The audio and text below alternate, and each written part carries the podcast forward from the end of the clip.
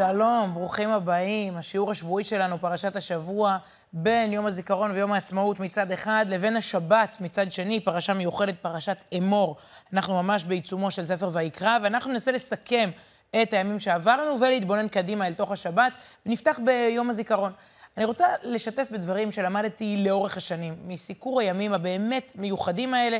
גם אנחנו, העיתונאים בימים האלה, בעצם עוסקים בתכנים אחרים. אפשר להגיד ש... רוב ככל השנה, הסקופים שהתקשורת מחפשת הם סקופים אחרים, ופה פתאום מחפשים סקופים קדושים, רגישים, של זיכרון, של געגוע, של תקומה גם, וגם של אה, אבל ואובדן. יש בעצם רצף של פרשות. כל שנה הימים האלה נופלים בספר ויקרא ברצף של שלוש פרשות. פרשת אחרי מות, קדושים, אמור. זה הסדר של הפרשות. אנחנו השבוע בפרשת אמור, כבר קראנו את אחרי מות, את, את קדושים, וזה נהיה מין משפט, זה נהיה ביטוי בעצם, בגלל הקשר, בגלל הרצף הזה של הפרשות, אז יש ביטוי כזה, אחרי מות קדושים אמור. אחרי שמישהו הולך לעולמו, אומרים עליו את הדברים הטובים, פתאום הוא הופך לקדוש, ההספדים הופכים אותו באמת לאיזו אישיות יוצאת דופן. ויצא לי לשמוע השנה הגדרה מעניינת מהדוקטור מרים אבנרי, היא פסיכולוגית ילדים ונוער, שאמרה, בואו, לא רק אחרי מות קדושים אמור, בואו ננקוט גם בלפני מות קדושים אמור. זו המסקנה שלה מהימים המיוחדים האלה. אלה הם באמת ימים שבהם אנחנו שומעים הרבה בשבחם של הנופלים, חללי טרור, מלחמות, פיגועים. אתה נכנס לאוטו, אגב, לא רק בתקופה הזו של השנה, אתה נכנס לאוטו ושומע את המשפט הבא. ילד טוב, ילד מסור, תמיד עוזר לאבא ואימא ואהוב על החברים. מה ברור לנו שקרה לאותו אדם? הוא לא איתנו. כלומר, שמענו מחמאה, שמענו משהו טוב, סימן שזה כבר הספד, שהוא לא פה. כי אחרי מות, קדושים אמור. מה קורה לפני מות, ברוך השם ובעזרת השם, בחיים של כולנו, עד 120? אומרת אותה פסיכולוגית ילדים ונוער, דוקטור מרים אבנרי, היא אומרת, אליי לקליניקה מגיעים לפעמים הורים לספ... להתלונן, לספר על הצרות, והם מספרים על הילד, ואז הילד מגיע אליי אה, לפגישה. ואני אומרת, מה? זה הילד שעליו קיטרו ובכו? נכון, יש לו איזה ליקוי למידה, אבל הוא מקסים ויצירתי וחכם. זאת הילדה שעליה אה, אה, באו אה, לספר לי אה, עם אה, אה, כאלה אה, אה, תלונות ותחושה של אה, מצוקה? נכון, יש לה בעיה כזו וכזו, אבל היא גם כזו וכזו וכזו. למה אנחנו לא אומרים את זה לאנשים בחייהם? אה, אם אפשר אולי לקחת משהו מהסגולה, מהאופי של התקופה הזו, זה גם לפני מות קדושים אמור. גם בחיים, לדעת, לפרגן, לא, זה לא צריך לבוא אה, אחרי 120 של הבן אדם. אה, אני חושבת שאפשר לקחת את זה, להרחיב את זה לכל השנה. והנה עוד משהו שאפשר אולי להרחיב אה, לכל השנה כולה. יצא לי לראיין בלונדון, בפאנל מסוים שהיה שם באנגלית לקהילה היהודית בלונדון, את רחלי פרנקל. אה, רחלי איבדה את בנה נפתלי באותו פיגוע מפורסם, החטיפה המפורסמת, מבצע שובו אחים, חטיפת שלושת הנערים, ולצערנו, אה, הסיום הטרגי במציאת שלוש הגופות בסופו של דבר. ורחלי פרנקל אה, הפכה לסוג של סמל, אה, אייקון, אה, אם שכולה שבאמת מדברת הרבה ו- ומספרת ומייצגת אולי את, ה- את הקבוצה הזו של ההורים. והיא אמרה לי שם, באוזני הקהל הלונדוני, אבל נדמה לי שכדאי לשמוע את זה גם כאן בישראל. היא אמרה לי שבין, ואני אגיד אה, עוד משהו, רק לה מותר להגיד את זה. כי היא שייכת למועדון הזה, אז היא יכולה לדבר בצורה יותר חופשית, אולי קצת לא פוליטיקלי קורקט. ואומרת רחלי פרנקל כך, יש בישראל היררכיה של שכול. במקום הראשון נמצאים קורבנות הצבא והטרור, ויש אפילו VIP, כלומר, בקרבם יש את המפורסמים, כמונו, היא אומרת, כמוני. אחר כך מגיעות משפחות שחוו אובדן בגלל מחלות ותאונות, אבל יש בארץ גם קורבנות של פשע. יש גם קורבנות של התאבדויות. והיא אומרת, נדמה לי שאם אלפית מהתמיכה שאנחנו מקבלים, הייתה מופנית לחברה האזרחית, כשהיא מתמודדת עם אובדן, הייתה לנו חברה הרבה יותר טובה. את כל היחס המיוחד אלינו, את כל האהבה, כל ההתעניינות והחמלה והחיזוק ותשומת הלב, צריך ליישם גם באבל הרגיל, היא אמרה, כי אין אבל, אבל רגיל. ואנרגיה כזאת יכולה לשנות את ישראל לטובה. נדמה לי שיש פה באמת כיוון מחשבה, אנחנו המון המון נותנים בימים האלה, אבל לאורך כל השנה, לסוג הזה של השכול, זה מובן מאליו, ועדיין אם היינו מצליחים להפנות תשומת לב גם לאדם שנפטר ממחלה והותיר אחריו משפחה אבלה, גם מלא עלינו, תאונות דרכים, או שלל מצוקות וצרות אחרות, שמהן אולי קל להתעלם והן לא כל כך אה, אה, חשובות ו- ולאומיות. ולאורך השנים יוצא לי ללוות אה, הרבה אה, בתקשורת משפחות, ואני חושבת שיש משהו בהם, באנשים האלה, שנותן כוח. הם יודעים להפנות תשומת לב, לא רק לעצמם, אלא לחברה האזרחית ולעוד מצוקות ולעוד אה, אה, אולי חורים שחורים בחברה שלנו. אני רוצה לספר קצת רק על השנה האחרונה, אנשים שיצא לי לשמוע, לראיין, להקשיב להם וגם להביא את הדברים שלהם לידי ביטוי. התראיינה ממש לפני כמה ימים, ערב יום הזיכרון, התראיינה ברדיו שרה רוזנפלד. שרה היא אמו של מלאכי רוזנפלד, שנהרג אה, אה, בפיגוע. והיא אמרה משפט שאני חושבת שאפשר לקחת אותו הלאה. היא אמרה כך, הרשימה של מה שנתנו לי ארוכה מה, מה, מהרשימה של מה שלקחו ממני. אומרת שרה רוזנפלד, בהסתכלה על אה, מפת חייה, עדיין הרשימה של כל מה שקיבלתי, אה, ילדים ובעל ובריאות ומשפחה ושמחה וחיים ומשמעות, עדיין הרשימה של מה שקיבלתי היא ארוכה מהרשימה של מה שלקחו ממני, ונלקח ממנה בנה היקר, מלאכי רוזנפלד. יש בזה, אני חושבת, איזו פרופורציה, איזו הסתכלות שיכולה גם לתת, אה, לתת כוח ומשמעות בימים האלה. אה, משפחה, לצערנו, טריה במעגל השכול, משפחת יצחק. לורה יצחק, אחת מארבעת הקורבנות בפיגוע הקשה בבאר שבע, פיגוע שהחל את אותו גל טרור שאנחנו מקווים שגם אה, הסתיים, אבל אה, באמת אותו אה, אה, בדואי מחורה מהפזורה, שבעצם יוצא למסע הרג באמצע היום באזור מסחרי בבאר שבע. לורה יצחק, אימא לשלוש, הייתה אחת הקורבנות, ויצא אז וידאו במסגרת אותם סרטוני וידאו איומים אה, שרצים ברשתות. אה, וידאו שלה מנסה להיאבק במחבל, ואז בעלה טל יצחק ביקש לכבודה, לכבודן של הבנות, אל תפיצו את הוידאו הזה, גם אם הוא כבר רץ וכולם ראו, שכל אחד ידע לעשות סטופ והוא לא יתרום עוד יותר לאש הזאת, זה מבזה אותנו, אנחנו לא רוצים שככה יזכרו אותה. אז את הסרטון ההוא ביקש לא להפיץ. את הסרטון שנראה עכשיו, טל כן ביקש להפיץ, כי עמותה של חסד, ערב פסח, קראה לו למקום הפיגוע, איפה שזרעו מוות, הם ניסו לנטוע חיים, ומשם להוציא בעצם משלוחים לנזקקים של אריזה של אה, ארגזי מזון לנזקקים ערב חג הפסח. אה, טל ושלוש הבנות הגיעו למקום וגם אה, ביקשו לדבר. הנה מה שהוא אמר שם. טוב לעם ישראל היקר, אנחנו אוהבים אתכם, אנחנו באנו לעזור כמו שאתם עוזרים לנו, אנחנו באנו לעזור כאן לחג הפסח, לעם ישראל. אני רוצה להראות לכם כמה אנשים יפים יש פה, בואו נראה להם, תראו כמה אנשים יפים יש פה שבאים לחלק לעם ישראל ולעזור לחג הפסח, תראו כמה צדיקים יש פה. שבזכותם אנחנו מתחזקים, נורא קשה לנו, אבל בא לנו לה... להחזיר לכם מה שאתם נותנים לנו, באהבה שלכם. אתם מחזקים אותנו המון, כל מילה שאתם אומרים, כל דבר שאתם שולחים, כל דבר זה, זה עוזר לי עם הבנות היפות שלנו. הנה, תראו את יאלי שמה שיושבת, עוזרת גם. אה, תודה רבה, אנחנו נמשיך לעזור. אנחנו, לורה שלנו הייתה אה, עכשיו הייתה מחבקת אותו, את כולכם, כמו שאתם מכבדים, מחבקים אותנו, ורוצה להגיד לכם תודה. לא ראיתה אישה עם לב רחב, עם הענווה שלה והפשטות שלה. אנחנו פה, כי אנחנו פשוטים, כמו כולם. ואתם עם ישראל, יש לידכם שכן או שכנה, מבוגר, מבוגרת, אפילו זוג צעיר, דפקו בדלת, תראו מה, מה הוא צריך, מה הם צריכים, אפילו בעילום שם. תעזרו לכולם. ככה אנחנו יכולים להתחזק ולהיות עם אחד. תודה רבה. תודה רבה לטל ולבנות שלו על המסר המהדהד הזה. זה הסרטון שהוא רוצה שיזכרו אותו, את לורה, את הבנות, מזירה אה, שבה היא בעצם נרצחה השנה. ואני חושבת שדוגמאות כאלה, אה, אם רק פוקחים עיניים, יש אין סוף בחברה הישראלית. דווקא אותן משפחות שיוצאות ונותנות לכלל ומנציחות אה, בצורה שמועילה לכולנו. אתם עושים את הדברים גם לעילוי נשמתם של הנופלים, גם לעילוי נשמותינו פה בעולם הזה. הייתי בשדרות בהזדמנות מסוימת השנה, וראיתי ספסל. חקרתי ובדקתי וגיליתי שהספסל הזה הוא ממש לא היחיד, אפשר להגיד, במדינה, אפילו לא בעולם. יש, מתברר, כבר מאות ספסלים כאלה, ספסלים שכתוב עליהם, אתם רואים, ואהבת לרעך כמוך, ובקטן בקטן כתוב, לזכר הילד עידו אביגל. ספסל חברות, ואהבת לרעך כמוך, לזכר עידו אביגל. עידו נהרג מפגיעת uh, טיל מעזה uh, בגיל חמש בשדרות, ואימא שלו, שני אביגל, סיפרה לי, אחרי מבצע שומר החומות, על הספסל הזה, שהפך באמת לאיזשהו סמל אה, של אה, יכולת של ילדים להתפשר ולהתפייס. היא אמרה לי שהיא חשבה הרבה איך להנציח את עידו, איך הוא היה אה, רוצה, מה, מה מתאים לעשות, והיא סיפרה ש...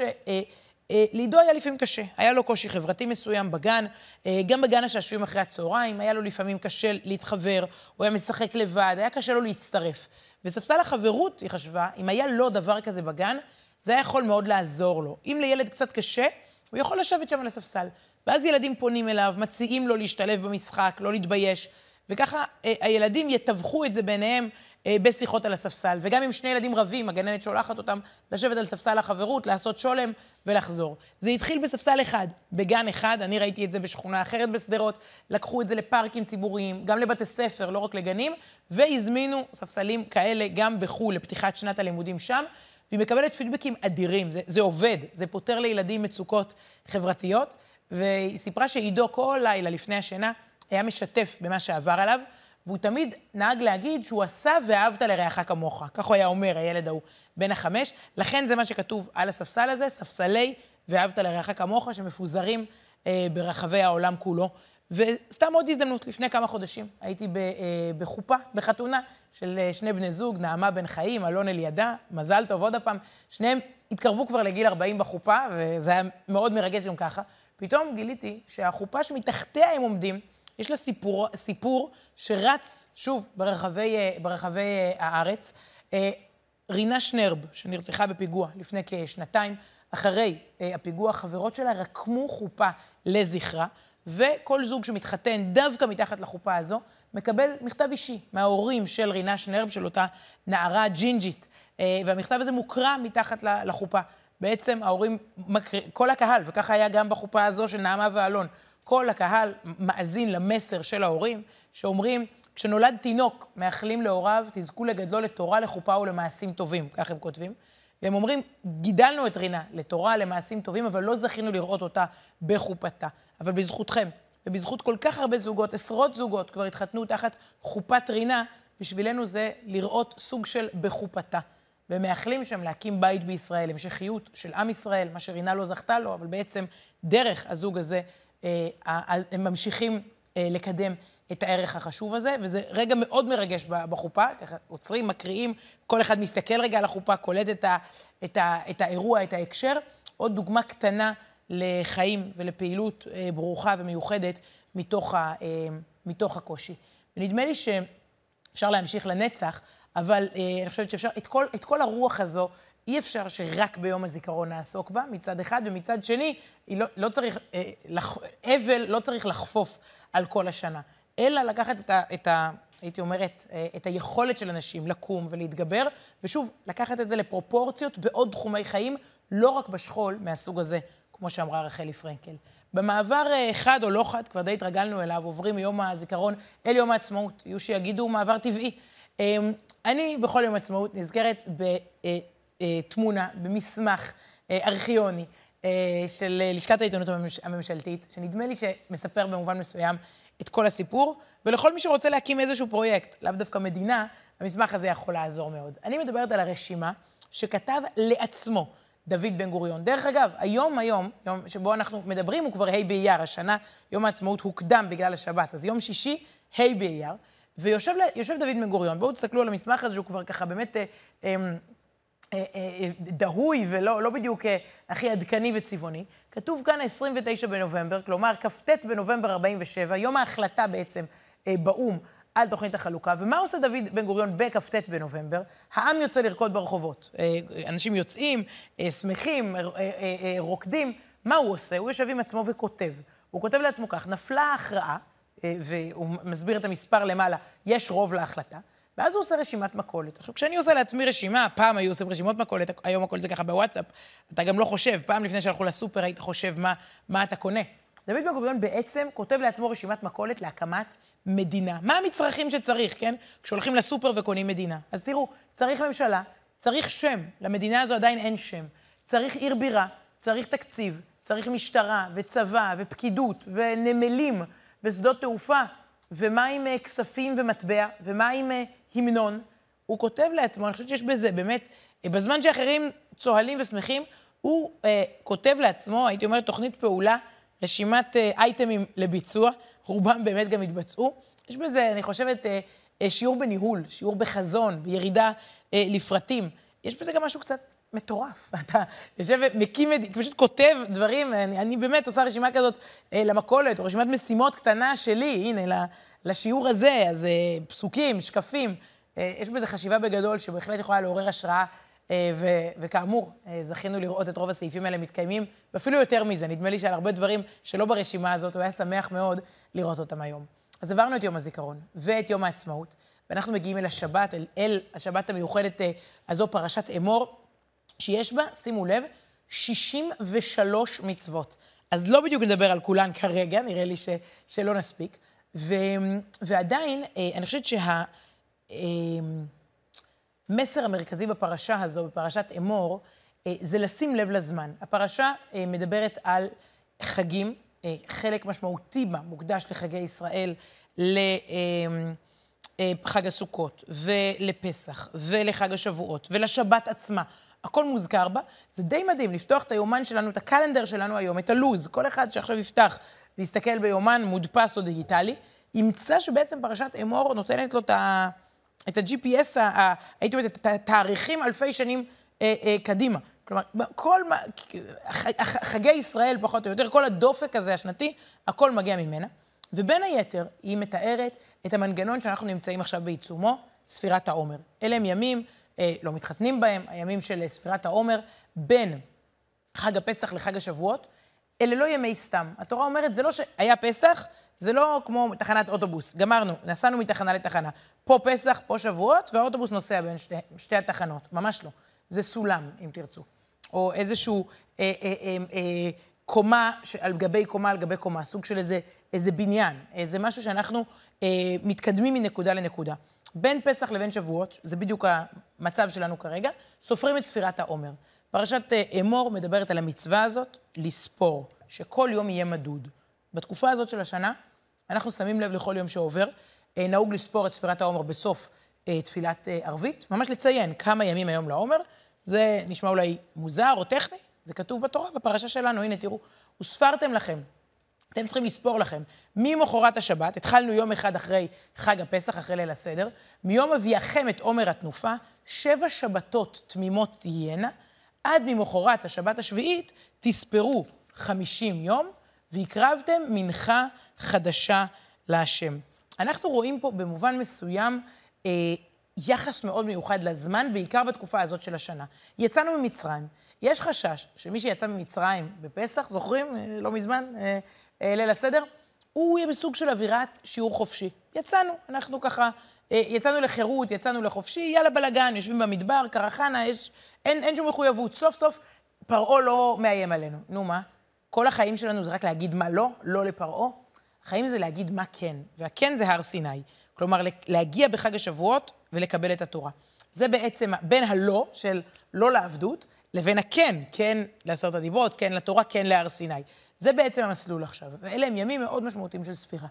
שמעתי אצל כמה פרשנים וכמה כותבים אה, באמת יחס לתקופה הזאת של השנה, אה, גם, גם שנת הלימודים. בואו נודה, מריחים את הסוף, לא רק את חג השבועות. יש כאלה שכבר בספירה לחופש הגדול. התקופה הזאת יכולה להיות מה שנקרא garbage time. מכירים את זה בספורט. זה כבר השניות, יאללה, אף אחד כבר לא יקלע או יבקיע, אף אחד כבר לא... garbage time, רק למרוח את הזמן הזה. וקראתי רעיון יפה שכתבו שני מורים, שני מחנכים.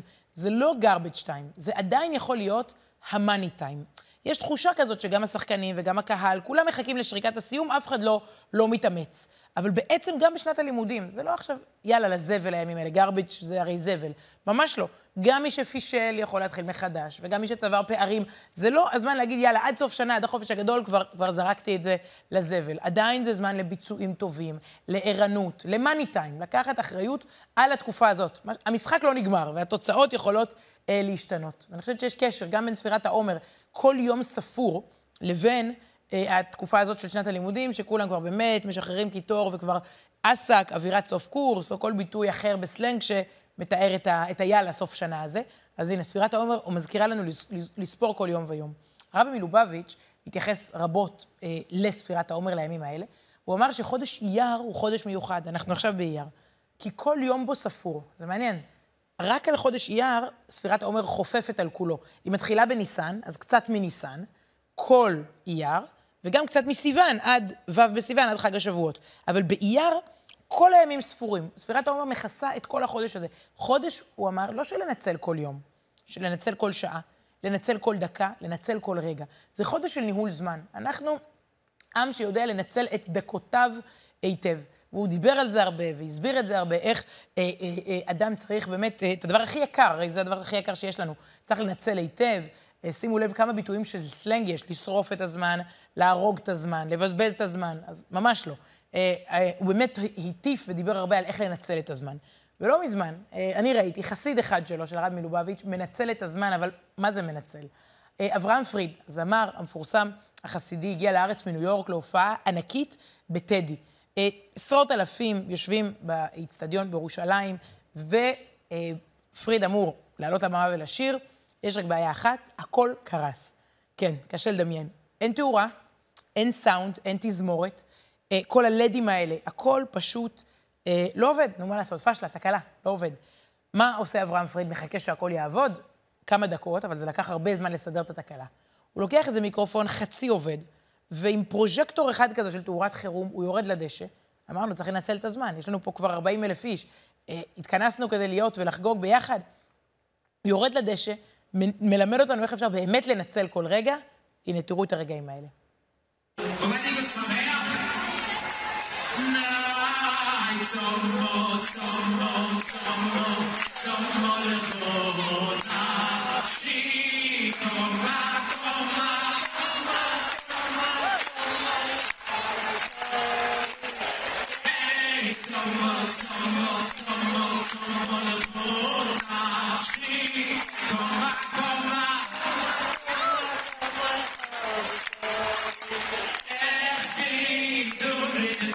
Stop.